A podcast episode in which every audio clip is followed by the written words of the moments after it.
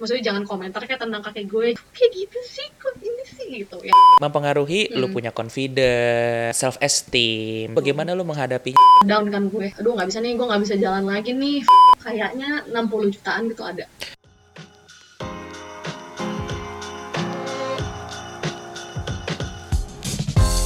Hi, you're listening to Get Real with Ryan, a podcast that inspires people to show the real side of them with the purpose of sharing valuable knowledge and also learning from each other's life experiences as a lesson and a process to us.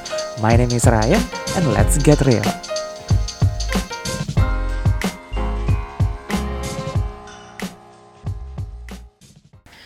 terus gue langsung shock kan ya gue baru melek gitu tiba-tiba dia nangis depan gue ya gue harus tough juga dong gue nggak mau apa Iya. ya ya nggak mau nggak mau kelihatan sedih juga gitu loh karena apa ya maksudnya nyokap gue udah sedih ya gue nggak mau.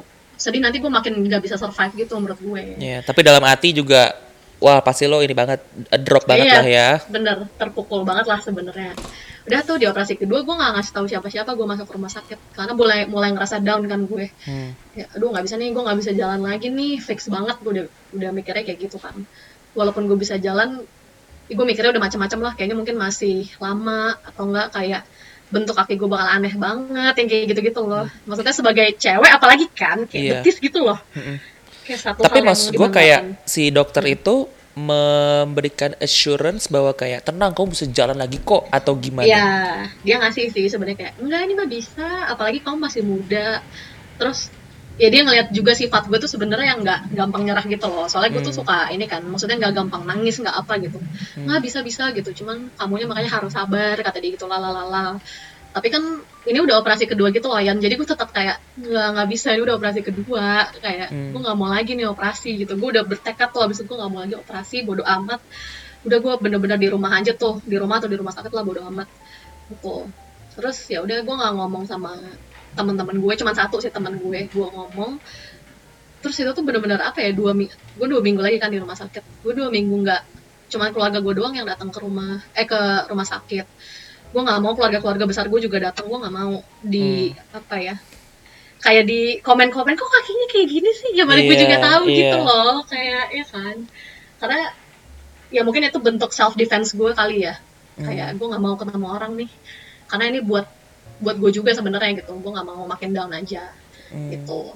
Terus ya udah gue silah eh silakan silakan sorry bertanya. Oh, nah terus pertanyaan gue si tour guide-nya itu tanggung jawab dong. Udah ngajak lo. iya iya benar-benar. Mereka tanggung jawab kayak ya udah eh, mereka sempat waktu itu nawarin gue apa ya? Gue lupa deh kayak ngobatin gitu. Terus gue bilang udah nggak usah. Pokoknya juga terlalu berbaik hati kali ya. Kayak gue bilang nggak usah nggak usah. Eh, cuman gue bilang gue bakal update ke kalian nanti kaki gue gimana gimana gue bakal cerita ke kalian gitu loh. Jadi gue selalu Hmm, update gitu. Hmm. mereka juga pas gue di Jakarta tuh selalu ngecat ngecat gue terus gimana? Udah baikan belum? Udah gini belum? gitu. Cuma kan gue nggak all the time ngabarin mereka kan. Iya. jadi kayak cuman pas selesai operasi gue bilang oh udah nih gitu. Pas gue udah agak enakan baru gue kabarin ke mereka. Karena gue nggak mau itu tuh menjadi bebannya mereka juga gitu. Hmm. karena ini pure apa ya? Alam lah menurut gue. Iya. maksudnya iya. karena gue pergi ke alam ya bisa aja kalau gue pergi ke gunung ke mana itu terjadi sama gue juga Iya. Jadi gue nggak mau membebani orang lain Hmm. Terus si surgery itu eh habis berapa lo dal? jujur gue nggak tahu sih sebenarnya tapi kata nyokap gue kalau di total total sebenarnya kayaknya 60 jutaan gitu ada tapi masih lumayan ya bisa Mm-mm. DP-DP sesuatu betul kan? betul lumayan kan bisa beli motor Mm-mm. DP mobil kan bisa Iya. tapi ya ya udahlah itu ya gue berharap itu sekali aja lah dalam hidup gue gitu. Sekali seumur hidup. Iyalah udah lo ngapain lagi anjing? Mau dua kali lo. nggak mau sih. Terus gue dibercandain dong. Kaki gue kan yang kanan sekarang slim gitu kan Heeh. karena dioperasi. Kata dokter gue udah lah yang kiri aja sekalian biar kurus. Brengsek gitu Ya lo not have ahlak. nggak punya akhlak kan gue bilang. Oh gue ketawa-ketawa doang sih. Awas lu dok gue bilang gitu. Lihat aja nanti gitu. Tapi berarti eh, selama enam bulan eh sorry another two months itu lo pure di rumah tuh setelah pulang Di dari rumah, rumah. sakit. Mm-mm. Nah itu lo kegiatan gimana dal? Apa kalau kerja? Apa emang lagi belum kerja waktu itu? gue nggak kerja samsak walaupun sebenarnya tangan gue bisa ngetik-ngetik kan tapi ya orang kantor gue lumayan kayak udah lo istirahat aja masuk kalau udah sehat Jadi gitu-gitu. jatuhnya lo apa unpaid leave? Eh, masih dibayar alhamdulillah loh Oh iya? Berbaik hati sekali itu perusahaannya di mana sih? Kerjanya? Aku juga mau deh. ntar gue bilangin deh boleh deh. Tapi itu perusahaan yang dulu. Oh, Itu gitu. perusahaan yang dulu. Perusahaan besar beb ya jadi ya harusnya mereka bisa lah ya. Nggak ada karyawan satu mah masih bisa lah. Iya mereka lumayan loh masih bayar gue. Tapi ya duit gue waktu pas dibayar itu tuh buat pengobatan juga sih. Hmm. jadi abis-abis juga sebenarnya. Kayak kan apa ya operasi gue nggak ngeluarin duit kan sepeser pun Hmm. jadi ya gue gue mikirnya ya udah berarti obat gue aja gue nggak mau gue tuh nggak suka beban tuh di orang lain gitu loh Yan Hmm. jadi udahlah beban ini gue yang ngalamin gue nggak mau ngerepotin orang gitu kecuali pas operasi ya itu beda cerita gitu Hmm. cuman sebagai gantinya gue bayar obat-obat gitu ya udahlah kalau obat-obat doang mah nggak mungkin semahal operasi kan Ya. gitu Nah. terus ya udah Tapi kalau misalkan kita ngomongin soal internal ya, mempengaruhi lu Mm. punya confident, Mm-mm. lu punya self esteem, kayak gitu-gitu kan. Nah, itu bagaimana lu menghadapinya selama 4 sampai 6 bulan itu, Dal? Oke. Eh, sebenarnya waktu pas enam bulan gue udah mulai bisa jalan, itu gue juga masih tidak men- men-encourage kaki gue gitu sih.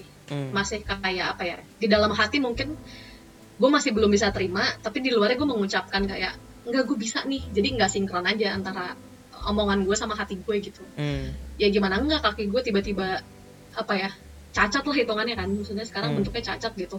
Walaupun orang ngelihat gue kayak normal nih pas ngeliat bawah ih anjir lo kenapa lo apa dan yang bikin gue down itu ketika orang nanya sih sebenarnya kayak gue mesti ceritain lagi dari awal gue Iya. mesti nginget-nginget lagi momennya kan Iya. kayak Kayak gua. Dari awal kan mohon maaf nih tiba-tiba kayak eh iya kenapa enggak, anjir? beda beda kalau lo kan setelah sekian tahun nih itu kejadian Ah, terjadi iya. kan dua tahun setelah kan tapi waktu setahun pertama itu tahun-tahun struggle gue tuh kayak Hmm. kenapa sih gue kaki kayak gini waktu itu gue mikir egoisnya ya mungkin ya kenapa sih kaki gue kayak gini lo tuh nggak bisa menempatkan diri ya kayak maksudnya jangan komentar kayak tentang kaki gue jangan ini kayak gitu loh gue tuh Hmm. Mikirnya kayak gitu. Kayak karena ada beberapa orang yang kayak "Ih, kok kayak gitu sih? Kok ini sih? Gitu yang kayak Iya. I don't have no idea juga gitu kenapa lo nanya gue gitu. Gue juga nggak tahu loh gitu. Hmm. cuman ya terserah lah orang komentar apa kan. Tinggal gue nya aja secara internally harus kuat gitu. Berarti kan ngadepin Hmm. mereka. Nah terus ya self esteem itu menurut gue tahun-tahun struggle-nya adalah setahun pertama setelah gue bisa jalan ya. Hmm. setahun pertama tuh. Itu lumayan kayak eh, gue pokoknya harus nyemangatin diri gue sendiri lah gue ibaratnya gitu sih gue nggak bisa ngarepin orang lain untuk nyemangatin gue Hmm. gitu sih terus jadi gue lumayan iba gitu loh Yan kalau ada orang-orang yang kayak oh dia nggak bisa jalan nih ternyata nggak enak banget ya rasanya gitu loh kayak oh Hmm. ternyata kayak gini gitu Jadi lebih aware lah Gitu sih. ya dengan kondisi yang Lebih aware. kayak eh, orang mungkin gak seberuntung gue, gue walaupun udah kita tapi tetap masih bisa jalan gitu ya. betul ada satu sahabat gue yang pernah operasi juga kaki Hmm. nah jadi kayak waktu itu dia lumayan apa ya relate lah jadi ketika Hmm. dia cerita jadi bisa sharing session gitu loh kayak Hmm. oh lu dulu kayak gini gue kayak gitu dan dia lumayan apa yang gak banyak cincong cuman nemenin gue doang kayak karena itu yang lo butuhin lo tuh nggak butuh di babi bebok lo sama orang gitu jadi gue merasa ada gue ada tempat bersandar nih Hmm. ketika waktu itu ya gitu karena kan nggak semua orang bisa relate lah menurut gue Hmm. dan wajar juga sebenarnya gue nggak bisa nyalahin gitu Terus pertemanan lo yang eh, pergi bareng ke Sumba itu bagaimana tuh reaksinya tuh? eh shock banget mereka shock banget Karena sampai segitunya ya. dan mm, mereka nggak nyangka kalau kok bisa ya sampai kayak gini dal gue nggak nyangka lo harus dioperasi mengalami kejadian inilah gitu cuman gue inget banget di antara kan gue berempat nih Hmm. mereka bertiga tuh ngomong untung Dalila yang kena jadi ini bukan jelek ya maksudnya kayak untung Hmm. Dalila yang kena karena kalau kita yang kena gue nggak tahu gue bisa ngadepin ini apa enggak gitu Hmm. Hmm. karena mungkin di pertemanan gue kayak mereka ngeliat Tegar sekali Anda. tegar banget ya mungkin karena gue jarang nangis jarang curhat gitu kali ya tapi kan bukan berarti sebenarnya gue kuat-kuat juga sih tapi ya gue punya Coping topeng yang beda. betul karena ya namanya juga hidup ya kita nggak tahu gitu tiba-tiba Hmm. ada apa kan Hmm. gitu sih cuman pas mereka ngomong kayak gitu gue lumayan hah gitu ya gitu tapi sebenarnya gue juga sedih loh gitu sebenarnya Iya, iya. Nah sekarang how are you? Kondisi bagaimana kaki? kondisi sekarang terkini udah mulai jadi kalau dulu kan jahitlannya tuh aneh gitu ya bentuknya Mm-mm. kayak kayak apa ya gue juga susah sih ngejelasin pokoknya aneh lah gitu nah kalau sekarang tuh udah mulai jadi kayak kulit gitu loh tapi memang bentuknya masih ada bentuk jahitan Tapi si dokternya bilang nggak bahwa itu bakal numbuh daging lagi seperti biasa normal atau gimana Dal? nggak dia nggak bilang kayak gitu jadi ya udah ini bakal kayak gini selamanya kecuali lo mau operasi plastik katanya gitu Operasi plastik bener-bener persis sama. bisa sama katanya Tapi fungsi Gitu. kaki normal. fungsi kaki nah gue nggak tahu ya harusnya enggak sih Hmm, karena kan ini aja sekarang gue kalau misalnya itu kemarin kita kan ke Bali kan Iya. kayak gitu guys jadi gue sempat kita tracking gitu ya tracking 20 menit Maaf lah ya, saya agak ngadi-ngadi nih. Gua juga sih emang. enggak kan gue pikir gue juga bisa lah kan Heeh. tracking 20 menit udah mulai tremble kan tuh kaki gue yang kanan Hmm. kayak ya ternyata nggak kuat lah gitu Iya. ternyata ya nggak boleh dipaksain juga gue anaknya lumayan suka gas-gas aja soalnya kayak ayo ayo gitu Jadi Tapi sekarang udah tahu makin limit tahu, ya itu tadi limitnya sekarang udah tahu di mana lah ya. betul nggak boleh maksain sih lebih tepatnya Hmm. terus kemarin pas ini Yan di Bali itu juga itu tuh teman-temannya teman gue yang orang Bali Mm-mm. dia kakinya juga sempet nggak bisa jalan gitu sama juga ternyata Ini yang mana ya? terus gue jadi yang ada namanya Abel yang pas kita di rooftop itu loh inget gak Oh iya yang iya iya cowok, iya iya iya. uh-uh. iya. Dia juga sempat nggak bisa jalan tuh 9 bulan bahkan kalau nggak salah dia Waduh. lebih lama dari gue apa empat bulan gitu gue lupa jauh juga ya empat Iya, mohon maaf. Estimasi Anda gimana nih konsepnya? gue agak lupa sih nah dia juga nggak bisa jalan jadi gue kayak oh ada loh orang kayak gue juga gitu Hmm. gak gue doang Aduh, emang ini pengalaman travel nih tiap Memang. orang beda-beda ya. ya kalau bisa sih have fun have fun aja ya Oke, pesan moral kak, pesan moral. fun moral. Eh, apa ya ya pokoknya ketika apa ya ketika lo lagi traveling lo melakukan kegiatan ya lo harus siap dengan segala resiko sih menurut gue jadi jangan kita cuman pikirin hal-hal yang Fun-fun baik aja. dan menyenangkan Mm-mm. tapi kita harus lebih prepare lah dengan hal-hal yang tidak terduga gitu karena kan ya kalau kita pergi suka mikirnya fun-funnya aja kan. Iya. gitu. Em, terus juga em, pesan moralnya mungkin ya at the end of the day mungkin lagi-lagi kita bersyukur kali ya kak ya. Masa dengan kondisi yang gitu kayak gini walaupun kok kayaknya miserable banget tapi masih Betul. banyak orang di luar sana yang mungkin gak seberuntung kita. Betul. Gitu. Dan tetap tegar tetap ikhlas menghadapi Nah, apa yang iya. terjadi gitu loh. Dan itu yang eh, lu sudah tunjukkan. Kayak yuk bener nih kita harus apa ya ikhlas tegar gitu. Tapi nggak apa-apa kok sometimes kita vulnerable aja. Hmm. jadi ketika lo vulnerable lo jauh lebih bisa menerima hal itulah. Gitu. jadi keikhlasan itu akan datang seiring dengan waktunya lo bisa encourage semua kekurangan lo gitu sih. Paham paham. Menurutku. Sebuah kisah yang inspiring banget nih kak Dalila. Masa sih? Iya ya loh semoga ya semoga ya. Buat Iya. orang-orang yang membutuhkan ya intinya kayak traveling with eh, cautions aja. Safety. Dengan jadi segala pengen traveling lagi sama lo oh iya. Ayo lagi lanjutkan. Ayo. Ayo. Oke oke lanjut lanjut. Sorry sorry sorry sorry.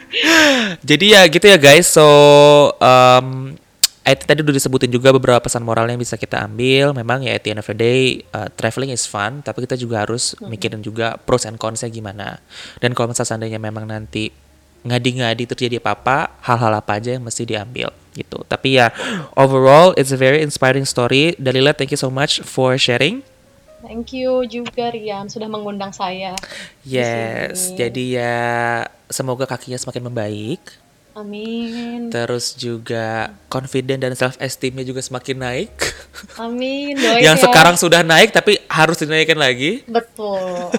Harus seperti orang normal aja ya kayak nggak ada Normal apa nih. aja. Dan eh, ditunggu lagi sesi travelingnya ya, Wak ya. Oke, Wak. Tapi kayaknya saya nggak mau ke Sumba dulu deh, Wak. Yang lain dulu boleh. ya udah jangan jangan jangan jangan. Kayaknya oh tahu nggak teman-teman gue kayak udah lo jadi ambasador Sumba. aja." jadi nanti lo kayak ada terpampang foto lu kalau di billboard gede kurang ajar kan Nggak ada ahlak ya teman-teman lo. nggak ada akhlak memang. Oke. Oke, Del, thank you so much ya. Thank you so much. Have a good day, teman-teman. Thank you so much. too. Yes, teman-teman, thank you so much for listening. Jadi nanti kita akan ketemu di episode selanjutnya ya. Bye bye. Bye. Hey, have you tuned into other real stories on this podcast? Make sure you do. Get Real with Ryan. New episodes every Friday. Stay tuned.